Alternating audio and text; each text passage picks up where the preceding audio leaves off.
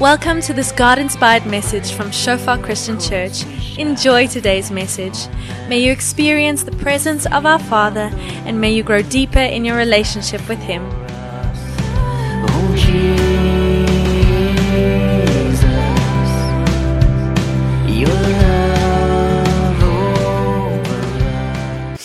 Welkom almal hierso by ons en die mense oor Zoom vir die daar in die cheap seats. Julle moet maar 'n baadjie saambring volgende keer.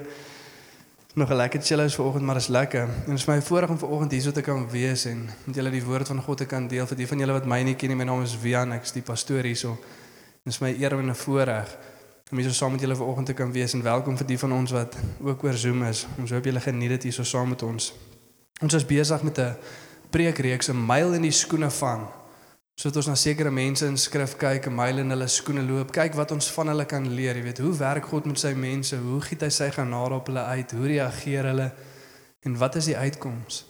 Sodat ons deur dit kan leer en kan sien hoe God werk. Ons het gesien in deel 1 waarmee ons besig is Adam en Eva. Dis ons gekyk na die perfekte myl en ons sien daarso dat God is die een na wie se beeld ons geskape is. In die beeld van God het hy mens geskaap en sy ge, gelykenis is ons gevorm. En as ons nie weet wie God is, hoe hy werk en hoe hy optree nie, dan weet ons nie wie ons is nie. Ons sukkel om identiteit te kry, ons sukkel om weet betekenis te gee aan lewe. En soos wat ons in deel 1 gekyk het na die perfekte myl, sien ons dat dit gaan nie soveel oor wie saam ons in ons lewens is of waar ons is of wat ons doen nie. Maar ons weet dat dit die teenwoordigheid van God en ons God by ons wat hierdie goeders oor ons lewe bring wat betekenis vir dit gee. En dan het ons bietjie gekyk na die sondeval, hoe sonde die wêreld geaffekteer is, hoe ons geaffekteer is. Ons het nie soveel in diepte ingegaan oor hoe ver en hoe diep die sonde werklik in die lewe van die mens ook is nie.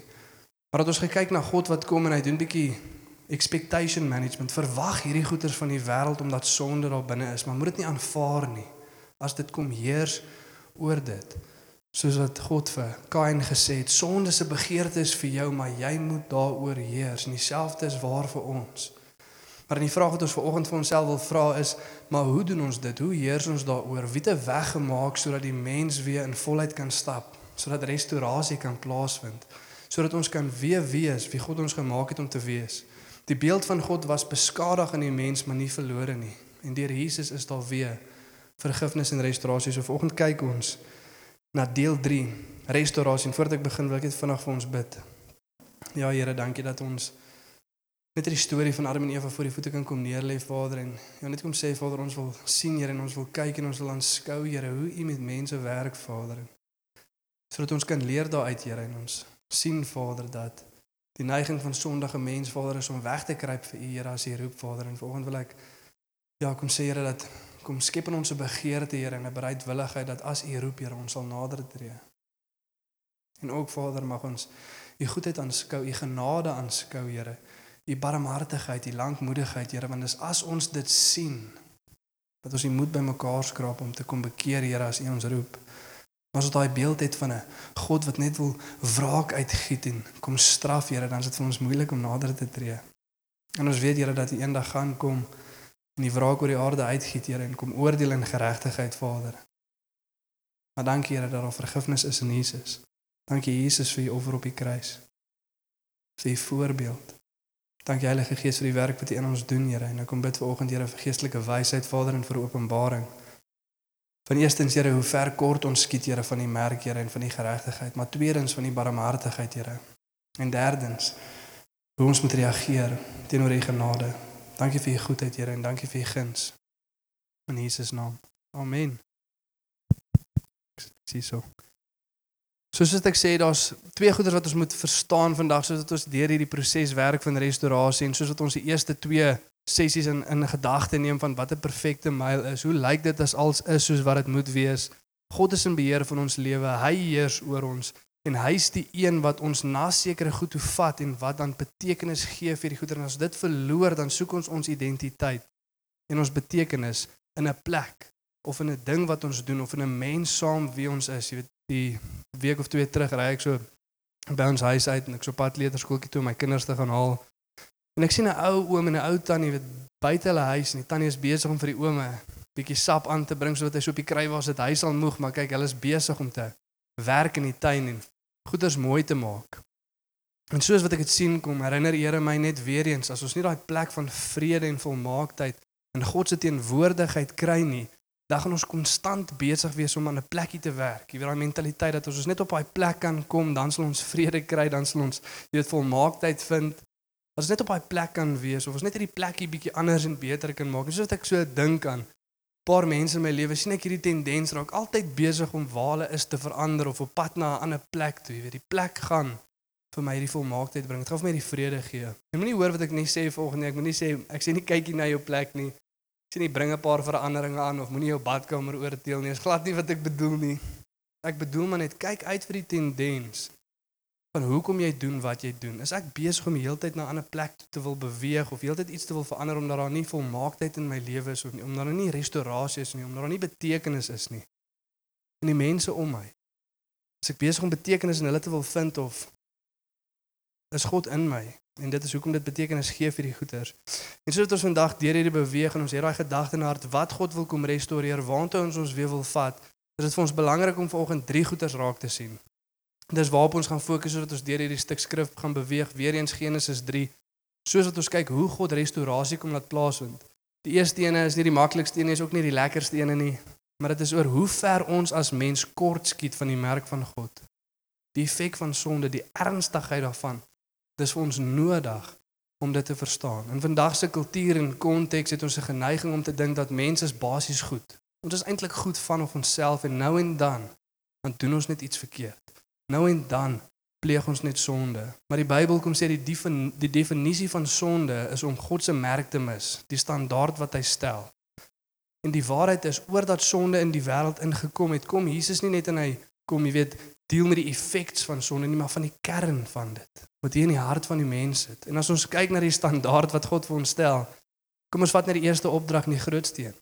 Hê die Here jou God lief met jou hele hart, jou hele verstand, krag en siel.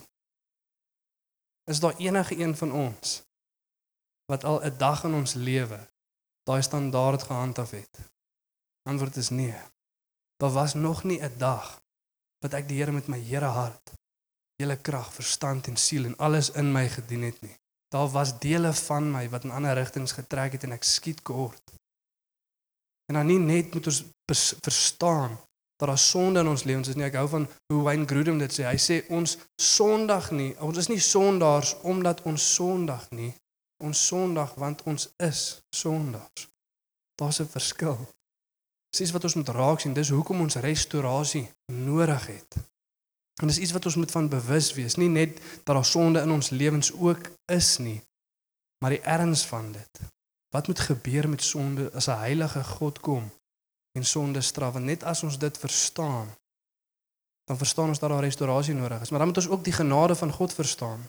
Dat hy 'n goeie Vader is wat met sy hande oop staan en ons uitnooi om te kom. Want as ons dit nie sien en verstaan nie, gaan ons nie kom nie. En dan derdens, Maar hoe werk dit dan? Is dit net eenvoudig omdat Jesus kom doen het wat hy gedoen het dat alles nou maar weer reg is in ons lewe? Of is daar 'n manier hoe die mens moet reageer teenoor genade sodat restaurasie kan plaasvind in ons harte? So soos wat ons daarna kyk, kom ons lees deur hierdie stuk skrif en dan kyk ons wat ons hieruit kan leer en let ook op soos wat ons daar deur lees. Wie is die een wat restaurasie laat plaasvind? Wie is die een wat dit of die dit in motion sit? Wie is die een wat passief staan en kyk en wie is die een wat alles doen sodat die mens weer kan wees wat hy was. En ons lees Genesis 3 van vers 1 tot 24. Die slang was lustiger as al die wilde diere wat die Here God gemaak het. En het vir die vrou gevra: "Het God werklik gesê jy mag van geen boom in die tuin eet nie?" Die vrou het die slang geantwoord: "Ons mag eet van die vrugte van die bome in die tuin. God het net gesê ons mag nie eet van die vrugte van die boom in die middel van die tuin nie. En as ons um, en ons mag dit nie aanraak nie want dan sterf ons." Toe sê die slang vir die vrou: "Julle sal beslis nie sterf nie.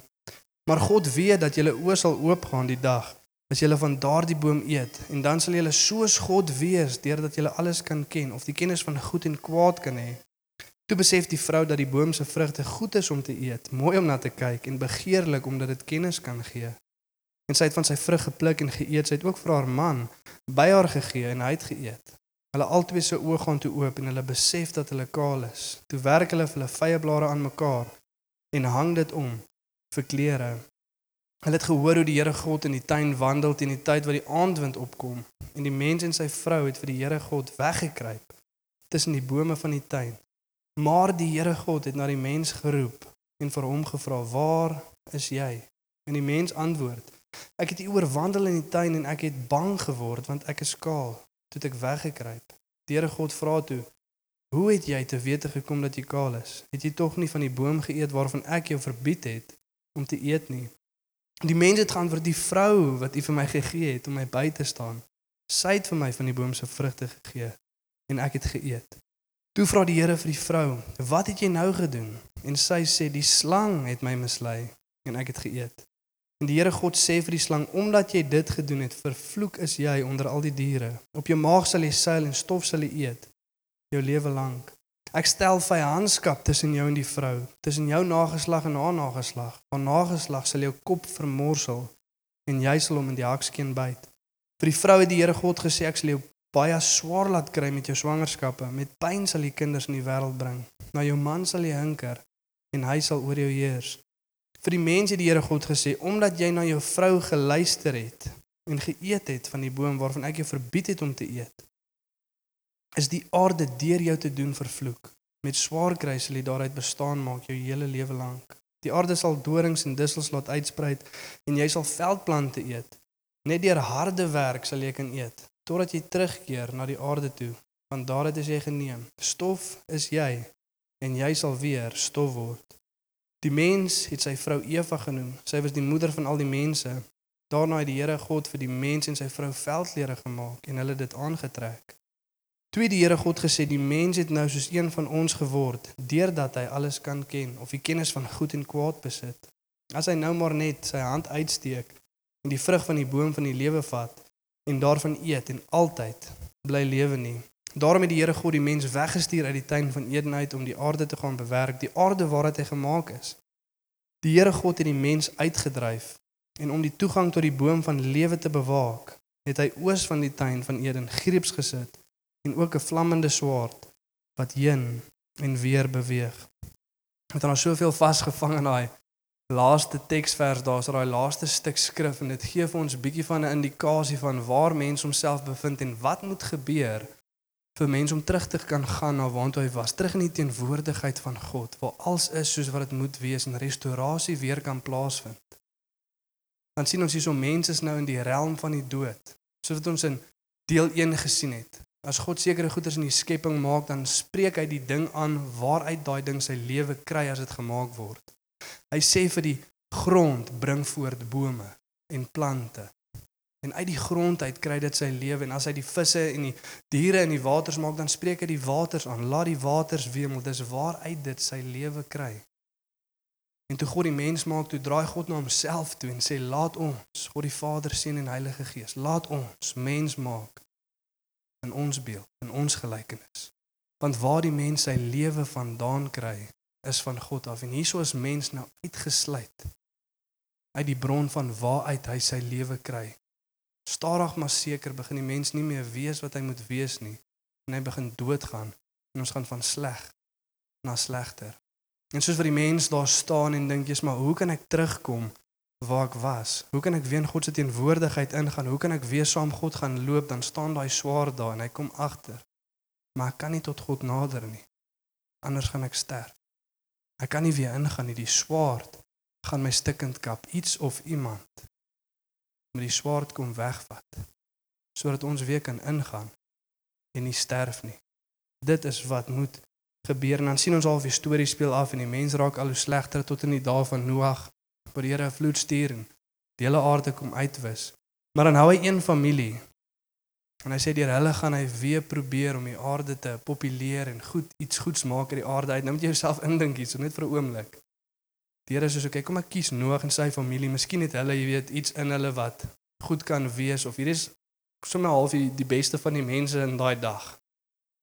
Hier is die beste familie die reinste, die mees geregtigste. Kom ons vat hulle en ons probeer oor. En wat gebeur die oomblik toe hulle weer op die aarde kom? Noag plant 'n wingerd, hy raak dronk. Dan lê in die tent, sy seun kom in en doen iets vreemds met sy pa wat kaal is. Dis nou die beste van die beste hierso. En ons kom agter Wat maak nie saak wat gebeur nie, iets is nog steeds fout. In die hart van die mens, die kern van wat fout is is nog steeds daarso. Maak nie saak wie God oorlos of wie oor wil begin of jy dink dalk by jouself nee, maar miskien moet Here jou gebruik het om oor te begin. Ek sal my kinders mooi leer of ek sal hierdie mooi doen. En ons skiet nog steeds kort. Daar's nog steeds 'n probleem met die mens. En kyk nou soos wat dit is in hierdie hele verhaal wat hierso begin gebeur. Wie is die een wat 'n plan maak? Wie is die een wat 'n weg maak? Wie is die een wat restaurasie laat plaasvind? Want as ons dit verkeerd verstaan, gaan ons 'n verkeerde benadering hê tot hoe ons God hoe ons tot hom nader. Dit baie keer aan dink ons God wil hê ons moet harder probeer. Hy staan half passief terug en kyk of ons uit ons eie uit goeie genoeg goeie werke kan doen. En dan lei dit uit tot die mens wat homself uitbrand want ons het nie in ons sodat ons onsself probeer bedek ons eie naaktheid om voor God te staan en elke liewe mens se lewe is dit God wat eers te beweeg om ons terug te kry op die plek waar ons is. En dit begin hierso in Genesis 3 van vers 8 tot 11. Hulle het gehoor hoe die Here God in die tuin wandel teen die tyd wat die aandwind opkom. En die mens en sy vrou het vir die Here God weggekruip tussen die bome van die tuin. Soos ons laas keer gesê, daar gaan 'n neiging wees om weg te kruip. As God roep, moenie wegkruip nie. Moenie jouself probeer bedek nie. Kom staan voor hom En hierdie wonderlike woorde, as dit nie vir hierdie woorde in skrif was nie, dan elkeen van ons nou nog steeds agter 'n bos geleen wegkruip. Maar die Here God, maar die Here God het na die mens geroep en vir hom gevra, "Waar is jy?" Wat 'n wonderlike woorde. Maar die Here God. En ons sien dit reg deur die skrif afspeel as dit ook al praat van die toestand waarin die mens homself bevind of die kondisie waarin ons is gelukkig vir ons elke liewe keer na dit dan hoor ons daai woorde maar die Here maar God nietemin het die Here but God nevertheless yet. Ons lees in Efesiërs 2 dat ons was dood in ons oortredings en ons sonde. Ons was deur ons passies heen en weer gedryf. Ons het in ons sondige natuur gelewe die magte van die boosheid beheer gehad oor ons lewe. Jy kan dit self gaan lees Efesiërs 2 van vers 1 tot 3. Dat dit beheer gehad oor ons lewe en ons was deur natuur bestem vir God se straf. Maar die Here maar die Here in sy barmhartigheid, in sy genade het ons kom lewendig maak in Christus. En dit is baie belangrik vir ons om dit te verstaan dat God die een is wat eerste werk, dat hy nie passief terugsit nie. Hy's nie jou man of jou vrou wat bietjie passive aggressive raak as jy hulle beklei nie. God doen nie dit nie. Hy gaan staan aan die een kant en sê ek doen jy maar nou jou ding en ek doen nou maar myne nie. God werk nie so nie. Hy is die een wat eerste uitroep en is vir ons so so nodig. Ek kan nie vir julle sê hoe belangrik dit vir ons is om hierdie vanoggend te verstaan en te begryp nie. John Calvin sê dis net as die mens bewus raak van God se genade wat hy die moed bymekaar skraap om te kom en bekeer. As ons nie verstaan dat 'n goeie God roep nie, dan gaan ons nie gaan nie. As God nie roep nie, dan bly ons waar ons is. Ons bly wegkruip, ons bly onsself probeer bedek. God is altyd die een wat eerste roep. En nou verder nadat God ons roep en dan vra hy vir hulle 'n paar vrae en hy gee hulle die geleentheid om te reageer op sy genade, maar soos ons deur die res van die stuk kyk en ons sien hoe hierdie verlossingsverhaal afspeel en wie's die een wat dit implementeer, implementeer, wie's die een wat dit aan die gang sit, wie's die een wat dit tot volëinding bring. Let op, al wat God op hierdie stadium gedoen het is hy die mens geroep uit genade en al wat die mens gedoen het is hy het voor God kom staan.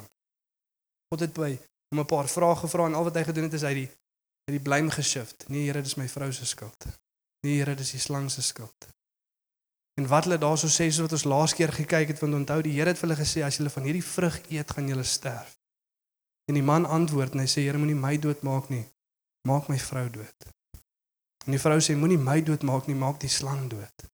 Ek verdien nie om dood te gaan Here, dit was nie my skuld nie, dit was iemand anders en hulle staan daar. En kyk hoe reageer God op die mens wat net voor hom staan en op hierdie stadium staan die mens net voor die Here en die Here is besig om elke liewe ander ding te doen. Dis God wat hier werk, nie ons nie.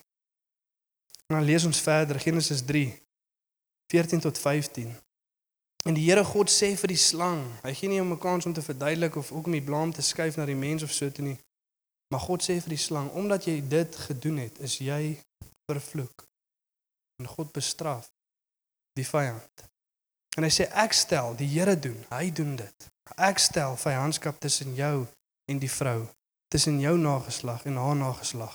Haar nageslag, nie meer fout nie, enkel fout. 'n Individu, een wat sal kom. Hy sal jou kop vermorsel en jy sal hom in die hakskeen byt. En hier sê God vir ons as dit kom by die bose een en met boosheid en kwaad, hy sal van dit ontslaa raak in hierdie wêreld. Ja, ons verstaan dat hy doen dit baie keer deur ons en hy werk deur ons soos wat ons ook met bose magte te doen kry. Van ons wat al bietjie dit ervaar het en op sekere missions en so was, weet dat dit is die geval dat God werk deur ons, maar God sê hy's die een wat hierdie laat plaasvind. Hy sê nie vir die mense, "Oké, okay, ek los jou nou en jy moet maar met hierdie ding wat jy nou laat gebeur het en met hierdie een vir wie jy geluister het, jy moet maar nou met hom sukkel en die dag wat jy homself kan oorwin, dan kan jy weer na my toe kom en dan kan ons begin kyk na restaurasie in ons verhouding. Maar gaan sorteer jy die gemors uit wat jy gemaak het nie. Die Here sê ek sal. Ek sal vyandskap instel. Ek sal seker maak dat daar een kom wat sy kop vermors, maar weet dat dit van hierdie een wat kom iets gaan vereis. Die slang gaan hom byt op die hak. Dit gaan nie maklik wees nie dit. Dit gaan die een wat kom iets kos, maar die Here sê hy sal dit kom doen. En dan lees ons in Kolossense 2 vers 15, dis op die bord, jy kan self daarna gaan lees. Dat Jesus het die bose magte en geeste geontwapen op die kruis vir ons ontwapen. Dis nie meer soos wat dit was nie. Hulle het nie meer die krag wat hulle het as hulle teen gelowiges kom nie want deur Jesus is hulle ontwapen. En dan lees ons ook in Openbaring 20 vers 10, jy kan ook dit self gaan lees. Praat van God wat hierdie werk doen in Openbaring. En toe het hy die duiwel wat die wêreld mislei het, saam met die ondeer en die valse pro profeet in die dam van vuur gegooi en daar sal hulle getuister word al die dae van hulle lewe, maar die Here sê hy sal kom. En hy sal hierdie kom wegvat en dit is vir ons baie belangrik om dit te kan sien. Die een wat gerebel het teen God, maar nou kom ons agter maar die mense dieselfde gedoen. Die mense het ook gerebelleer teen God. Die mense het ook nie gedoen wat God van hom verwag het nie. Hy het ook van die boom geëet. Hy wou ook God wees. Dit was nie van hom genoeg om soos God te wees nie, maar hy wou die kennis van goed en kwaad hê sodat hy self kan besluit en self kan heers en sy eie God kan wees. En jy kan half sien hoe Adam daar staan en hy wonder wat nou gaan gebeur want hy sien wat gebeur met die een wat teen God rebelleer. En nou praat die Here net na dit met Adam. En hy sê En aan die mens het hy gesê, vers 17. Omdat jy geluister het na die stem van jou vrou en van die boom geëet het waarvan ek jou beveel het om nie te eet nie, vervloek is. En jy kan so half in arm se skoene jouself gegaan in arm se skoene sit. Toe arm daai woorde hoor, vervloek is. En arm besef, die een wat teen God eers gerebelleer het, vervloek is hy. En God gaan kom en sy kop verbrysel Here, wat is hierdie woorde wat gaan volg? Vervloek is die grond oor jou. Wat het die grond gedoen? Wat het die grond gedoen? En Adam staan dalk daar en hy wonder by homself, "Jesusie, maar hoe is dit dat hierdie vloek nou nie op my val nie? Hoe is dit dat God my oorsien? Waartoe gaan dit skuif?" En dan net nadat hy half daai asemhaal want hy kom agter die Here het nie hom vervloek nie, dan hoor hy ook die woorde met moeite sal jy daarvan eet al die dae van jou lewe. Al die dae van my lewe, Here, gaan ek nog aanhou leef. Is U genadig teenoor my? Want die skrif sê sekerlik gaan ek sterf. En Jesus sê ja, geestelik sterf jy. Fisies gaan jy ook sterf. Maar jy gaan nie nou dadelik sterf nie. En jy kan half arm hoor, Here, maar wie gaan dan sterf? Wie gaan dan vandag sterf as ek kan aanhou lewe want ek verstaan die resultaat van sonde is die dood. En dan lees ons in vers 21. Genesis 3:21. Die Here God het toe vir Adam en Eva klere van vel gemaak en dit vir hulle aangetrek. Waar het God die vel gekry? God moes gaan en 'n ander deel van die skepping vat, 'n die dier en dit doodmaak. En 'n offer vir sonde maak sodat hy daai vel kon vat en vir Adam en Eva gaan aantrek. En die Here sê moenie worry nie, ek sal voorsien vir die sondeoffer. Is julle met my? Ek sal die sondeoffer voorsien. Die mens is net besig om al hierdie goedheid en genade van God aanskou. Hy het nog niks gedoen nie. Hy het niks voorgestel nie. Hy het net eenvoudig gekom toe God geroep het. En die Here sê ek sal voorsien vir die sondeoffer. Jy kan so half jou self indink in Adam en Eva se geval hoe hulle die Here vra, Here, is dit genoeg? Is dit genoeg? En die Here sê nee, dis nie genoeg nie en dis net tydelik. Dis nou iets. Maar later sal dit iemand wees, daai een wat gaan kom om die slang se kop te verbrysel. Dan lees ons in Galasiërs 3 vers 13. Christus het ons losgekoop van die vloek wat op wetsoortreders rus toe hy vir ons 'n vervloekte geword het. Daar staan geskryf: Vervloek is elkeen wat aan 'n paal hang, 'n kruis hang, 'n boom hang. Maar Jesus het gekom en daai vloek wat op ons moes val, val op hom sodat hy dit vir ons kan wegvat en God sê ek sal voorsien en ek sal 'n weg maak. Al wat die mens doen is hy aanskou net die genade van God en wonder hom net by homself, Here, maar hoekom? Hoekom straf U my nie? Hoekom sien U my oor? Hoekom gaan hierdie ding verder aan en hy beleef die genade en die goedheid van God? En van daar af is hy offerstelsel om diere te bring ingestel en Moses maak 'n deel van die wet soos wat God hom beveel en soos wat ons lees deur Levitikus en van daai dag wat die Joodse familie se dier moet bring om te betaal vir hulle sondes is daar twee goed wat hulle elke keer besef soos wat hulle daai dier vat. Nou naastens die, die feit dat hulle die dier moet vat, dis ook iets wat hulle agterkom. Ek moet hom bring. Ek moet eienaarskap vat van dit. Ek moet na God toe gaan sodat ek voor hom kan gaan staan en soos hulle elke keer daai dier bring, ek kan jouself nou indink vir die van ons wat kindertjies het. Gaan kry jy 'n bok of 'n lam. En jy stap en jy stap saam met jou seentjie of jou dogtertjie en hulle vra pappa, mamma, wat doen ons? Sê ons vat hierdie vir die Here as 'n offer. En soos wat hulle daarso kom, dan sien die seentjie die dier se keel word afgesny, die bloed loop uit soos wat die dier skree. Soos wat hulle dit aanskou. En die seentjie sê, "Is dit nodig?" En die maanpa sê, "Ja, seun, hierdie is die effek van sonde. Dit lei na die dood. Besef jy die erns van dit? Besef jy die erns van dit? Dat as gevolg van sonde moet iets sterf. Dit lei na die dood. Niks anders kan daarvoor betaal nie. Dan sou hulle sê, "Jesus, pappa en mamma gaan ons dit elke keer moet bring." Dan wys hulle terug na die belofte toe, "Nee, seun, een gaan kom." En hy gaan ons kom verlos. Sy naam is Jesus. Nou net nog 'n ding wat hulle ook agterkom, soos wat hulle die dier elke keer vat. Dis God se genade. Kyk hoe genadig is ons God want ek moes daar wees. Ek verdien nie om 'n dier te vat of 'n bok te vat om geslag te word vir my sonde nie. Hoeveel te meer nie die seun van God nie. Hoe genadig is ons God dat hy toelaat dat hierdie nie ek is nie. Hoe genadig. Hoe vol liefde. Ek moes daar gewees het. Ek moes daar gehang het. Daai dood moes na my kant toe gekom het. Ek moes die vervloekte een gewees het. Maar God skuif dit na Jesus toe. Wat is nou punt nommer 3 toe? Myle in die skoene van Adam en Eva. God het 'n weg gemaak om weer saam met hom te stap. En ek wil vanoggend vir ons vra, mag dit nooit net 'n stelling wees wat ons lees en sê ja, ek weet dit nie. Besef jy wat daar staan?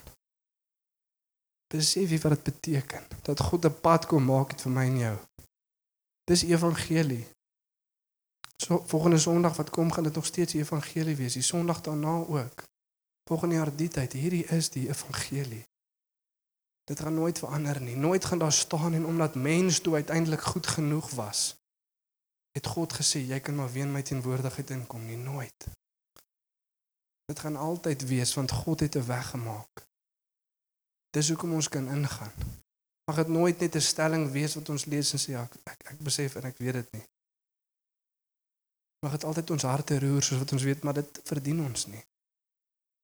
God het uit genade uit sy seun gestuur sodat ons tot hom kan nader. Als vloei uit drie plekke uit. En dit is vir ons belangrik om dit te verstaan. Om daai twee aspekte te verstaan soos wat hierdie mense die offers na God toe bring, die erns van ons sonde. Besef jy dit? As 'n storie, ek dink meeste van ons ken hom goed van Jesus wat by 'n Fariseer gaan eet. Nou kom 'n sondige vrou na hom toe. Sy begin huil en sy voete met haar trane was en met haar hare afvee. En die Fariseer wat daar sit, onbewus van sy sonde want hy's hard probeer besig om die wet te onderhou sodat hy in God se oë tevrede kan wees. En hy dink hy doen dit. Hy dink hy's geregtig. Hy verstaan nie God met 'n pad kom maak nie. En hy kyk na Jesus en hy dink by homself as Jesus geweet het wat 'n soort vrou hierdie was, sou hy nie dat sy aan hom gevat het nie. En Jesus weet wat die man dink en hy vra vir 'n vraag. Daar was iemand wat iemand geld geskuld het en so ook een van sy vriende, een skuld R500, een 500 000. Hy vergewe al twee hulle skuld. Wat se een het hom die meeste lief? En die ou antwoord sekerlik die een wat meer vergewe was. En Jesus sê antwoord reg. sien jy hierdie vrou? Sy het baie lief. En sy was baie vergewe. Sy verstaan hoe erg die sonde na lewe. Sy verstaan dit lei na die dood, maar jy wat daar sit, totaal en al onbewus van die probleem wat jy het, verstaan dit nie. Jesus sê nie vir hom jy het minder sonde en sy het meer sonde, dis hoekom sy my meer liefhet nie. Jesus sê jy verstaan nie die effek van sonde nie. Jy verstaan nie die kern van sonde in jou hart. As jy dit nie beleef nie, gaan jy moontlik dink jy het nie restaurasie en vergifnis nodig nie. Dis belangrik vir ons om dit te verstaan. Ons is nie sondaars omdat ons sondig nie. Ons sondig want ons is sondaars. Daar's so 'n probleem. Net God kan dit kom regstel. Maar net so belangrik is dit vir ons om te sien die goedheid en die barmhartigheid van God. Anders gaan ons hom nie nader nie. As ons daar sit met daai skuldgevoel en ons sien dit baie in vandag se lewe en vir elkeen van ons wat hier vandag sit, wil ek vir jou vra. Dit kom by hierdie twee goed, verstaan jy dit? Het jy regtig 'n openbaring van dit? Verstaan jy die erns van sonde? Verstaan jy die kondisie van jou hart dat net God dit kan kom regmaak? En tweedens verstaan jy dat God barmhartig is. Daar's soveel mense wat sit met die leen van die vyand en glo nie maar God is nie bereidwillig om my te genees nie. Hy's nie bereidwillig om my te vergewe nie. Ek het al te veel hierdie gedoen. Jy verstaan nie hoe erg my sonde is nie. God gaan my nie aanvaar nie. Daai's 'n leen. Die mens staan voor God. Hy doen alles. Hy trek ewen vir hulle die klere aan. Hy gee nie eers vir hulle die die velkleed en sy trek om en hy sê ek sal dit vir jou aantrek besef jy God se hart teenoor jou. En as hy dan dens kom om weg te kruip of jouself te bedek, moet dit nie doen nie. Die genade van God is genoeg vir jou. Hy wil dit vir jou hê. John Newton het gesê Jesus sou nie roep en die bemoeides en die die wat oorlaai is roep as hy nie wou bereidwillig en gewillig was om hulle rus te gee. God roep jou nie om jou weg te wys nie. Hy sê maar almal wat na my toe kom sal ek nie wegwys nie. In Johannes 4 dan lees ons van die vrou wat sit by die waterput. En Jesus sê vir as jy net geweet het wie ek is en wat ek vir jou kon gee, dan sou jy my gevra het en ek sou vir jou gegee het lewende water sodat jy nie weer dors nie, maar ons probleem is ons weet nie wie God is nie. Ons weet nie wat hy bied nie en ons vra nie. Maar as ons vra sal hy gee, hy sal jou nie wegwys nie. En dit is vir ons belangrik om te verstaan. Maar ook belangrik om vir ons te verstaan is dat hierdie stop nie net hier nie. Dit beteken nie nou omdat Jesus kom doen het wat hy gedoen het en ons het die kennis daarvan dat ons nou ewe skielik weer is waar ons moet wees nie. Dit beteken nie die beeld van God is gerestoreer in ons nie. Daarso is 'n pad gemaak, maar nou moet ons daarin begin stap. Ons moet nou nader tot God. Ons moet hom nou weer aanskou as ons wil wees wat God ons gemaak het. Ek gaan nie te in diepte ingaan nie, ek gaan net vinnig hierdie vir ons noem en is belangrik vir ons om dit te verstaan. Die oomblik as ons ons harte vir die Here gee, as ons sien en ons lê ons lewens neer, ons stel ons kruis op en ons begin hom volg. En ons gaan weer na die plek toe waar Jesus koning is en ons onderdanig is en wat hy sê doen ons. Dan is ons ja gered en ons is ja geregverdig in die oë van God. As ons eendag voor hom staan, dan sê hy kom in my seun en my dogter want die werk van Jesus het verseker dat jy regverdig is, maar die heiligmaking proses om weer die beeld van God te restoreer in ons is nie dadelik nie. Ek weet julle kyk nou na my en dink nee man is dadelik ek. Ek maak ook nou en dan foute. Nee, ek maak dit 'n grappie. Vir die van julle wat my goed ken, sal weet dit is glad nie die geval nie. Julle het gesien hoe kwaai is my vrou ook vanoggend. Maar dit gebeur nie dadelik nie. Daar's nog goed in ons lewe wat ons moet uitsorteer, wat wat vernuwing kort, wat restaurasie kort.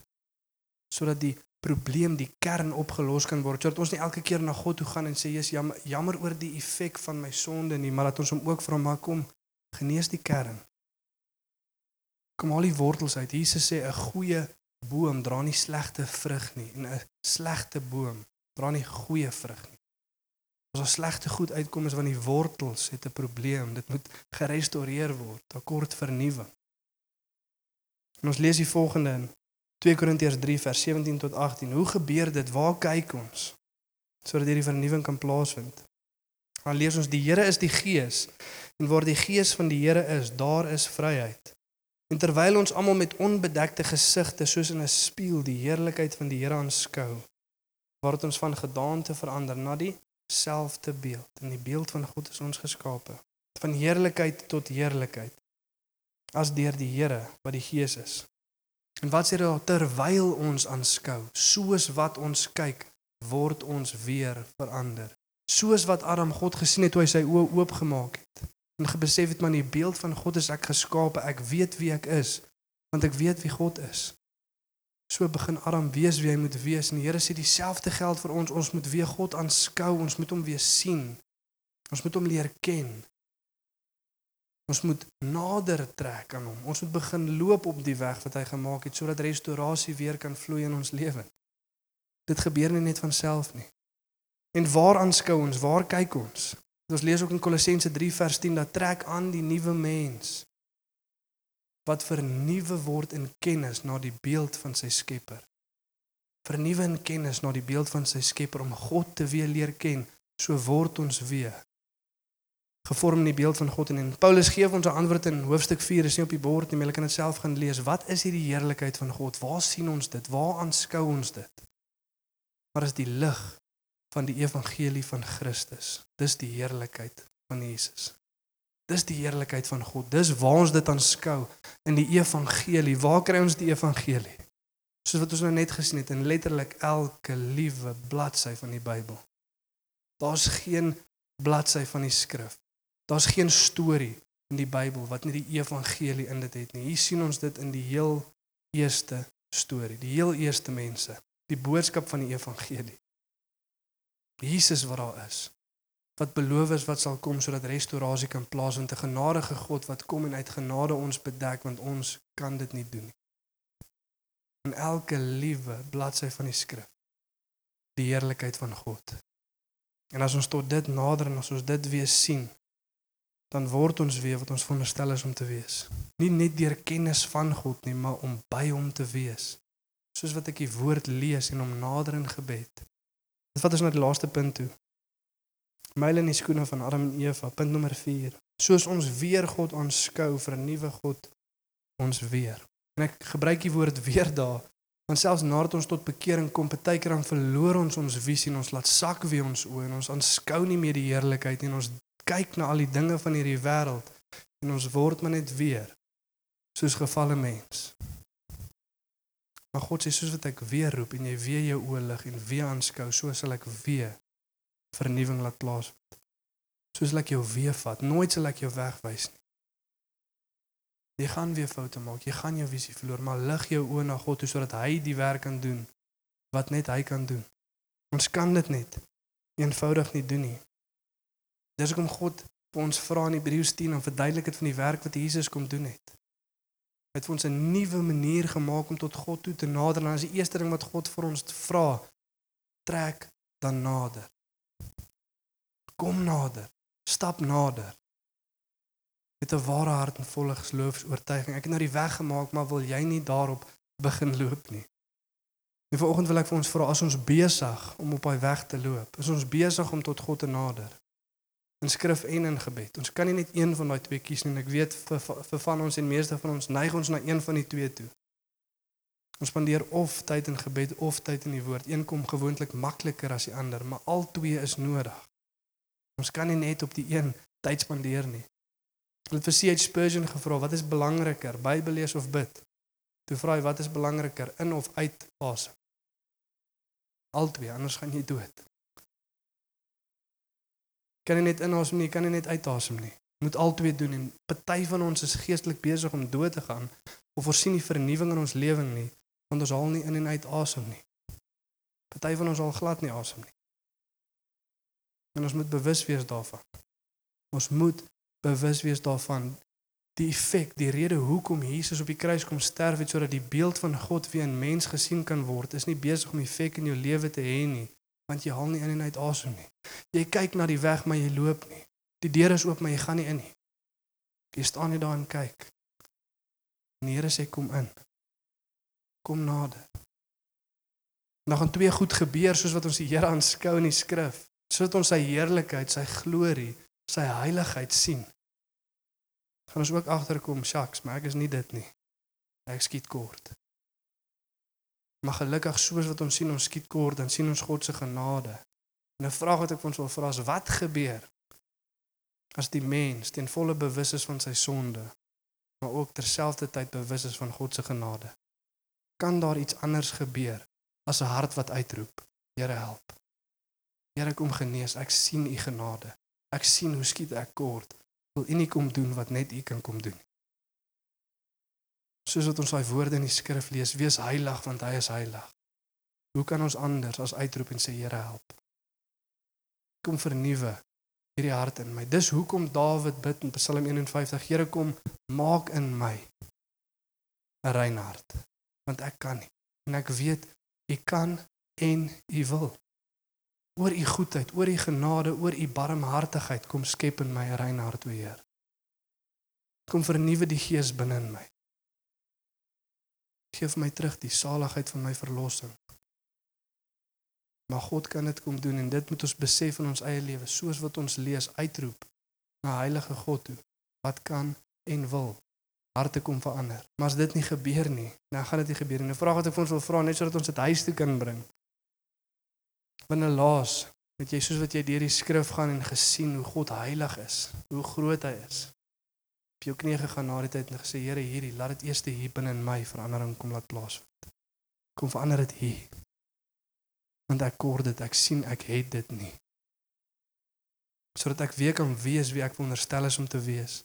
En sodat ons uit daai plek uit uitstap.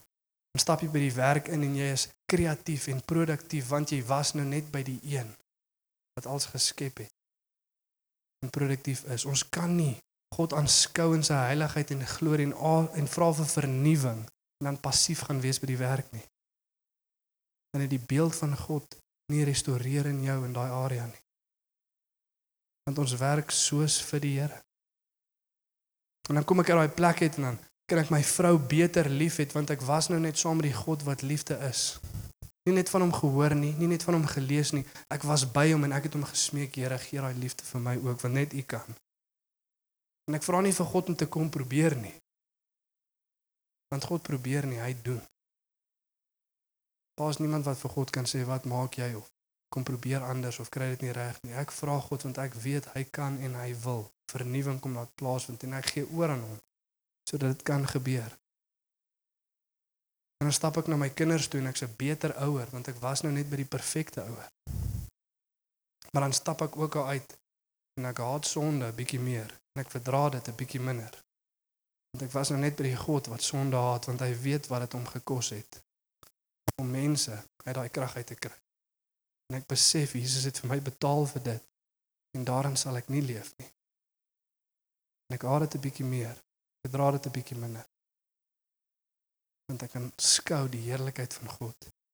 En ek wil ons los met een ding vanoggend. Die skrif sê vir ons in Hosea 10 vers 12 Dit sê breek op die harde grond. Breek dit op. Dit gaan moeilik wees. Dit gaan 'n rukkie vat, maar gaan breek dit op. Gryp daai pik, gryp daai graaf en breek dit op want dit is tyd om die Here te soek totdat hy op ons geregtigheid kom neerreën. Maar soek hom totdat hy geregtigheid op jou kom neerreën. Totdat hy kom restaurasie laat plaasvind. Want hy wil kom ons nader aan die God wat 'n weg vir ons gemaak het. Kom ons staan sommer lekker vanoggend op en dan bid ons saam.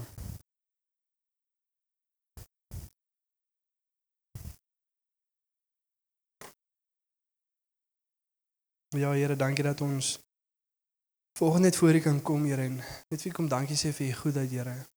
En so wat ons hier staan, Here, en hierdie woorde hoor, Vader, kom bid ek vir openbaring, Here. Heilige Gees, net U is die een wat daai openbaring kom gee, Vader. U sê in die skrif, Here, dat die natuurlike mens aanvaar nie die dinge van die Gees nie. Dit moet deur die Gees geopenbaar word, Vader. Maar U sê ook vir ons dat ons het nie die Gees van hierdie wêreld ontvang nie, maar die Gees van God dat ons vrylik die dinge van God kan verstaan, Here. En ek kom bid vanoggend vir openbaring, Here.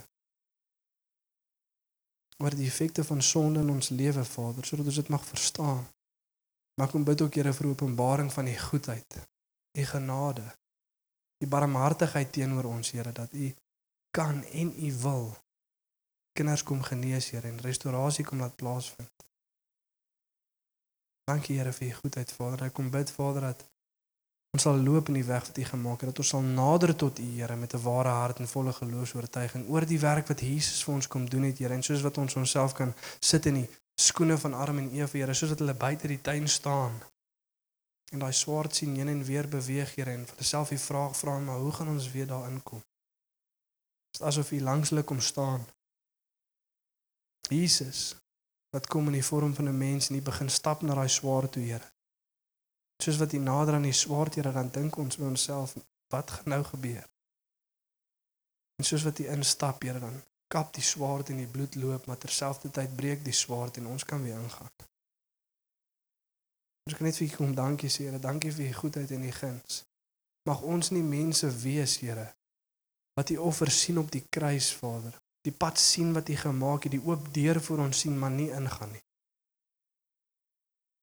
Dankie Here dat U vir ons genade gee om te beweeg om nader tot U. En ja Vader, dankie dat ons ook vanoggend net kan kom verklaar Here dat as ons nie tot U nader nie kan dit net wees Vader of, of ons verstaan nie die genade en barmhartigheid nie. En ek kom vra U kom gee ons openbaar. Of dit is dat ons nie die erns van ons sonde verstaan en ons dink ons kort nie restaurasie en vergifnis. Maar dankie Here Dit soos wat ons sien, Here, dat net U kan kom genees, Vader, en dat U wil genees, dat ons met harte kan nader en die genesing kan ervaar. Dankie Jesus vir U werk. Sodat ons kan nader tot U, Here. En ja, Vader, ek kom bid net Vader vir elke hart wat hier binne staan, Here. U weet waar elkeen van ons is, Vader. En U roepstem klink uit, Vader, soos wat ons gesing het. Jesus is calling. Come to the altar. Here, ek kom bid net vir vrymoedigheid, Vader, sodat ons die genade aanskou vir elke persoon hier, Here, net opnuut tot U te nader en te sê, "Hier is ek, Here." Ek weet in sekere areas van my lewe, Vader, is ek kaal en ek's bang om voor U dit te kom wys, maar dankie dat U in genade kom en ons bedek. Dankie vir U goedheid in Jesus naam. Amen.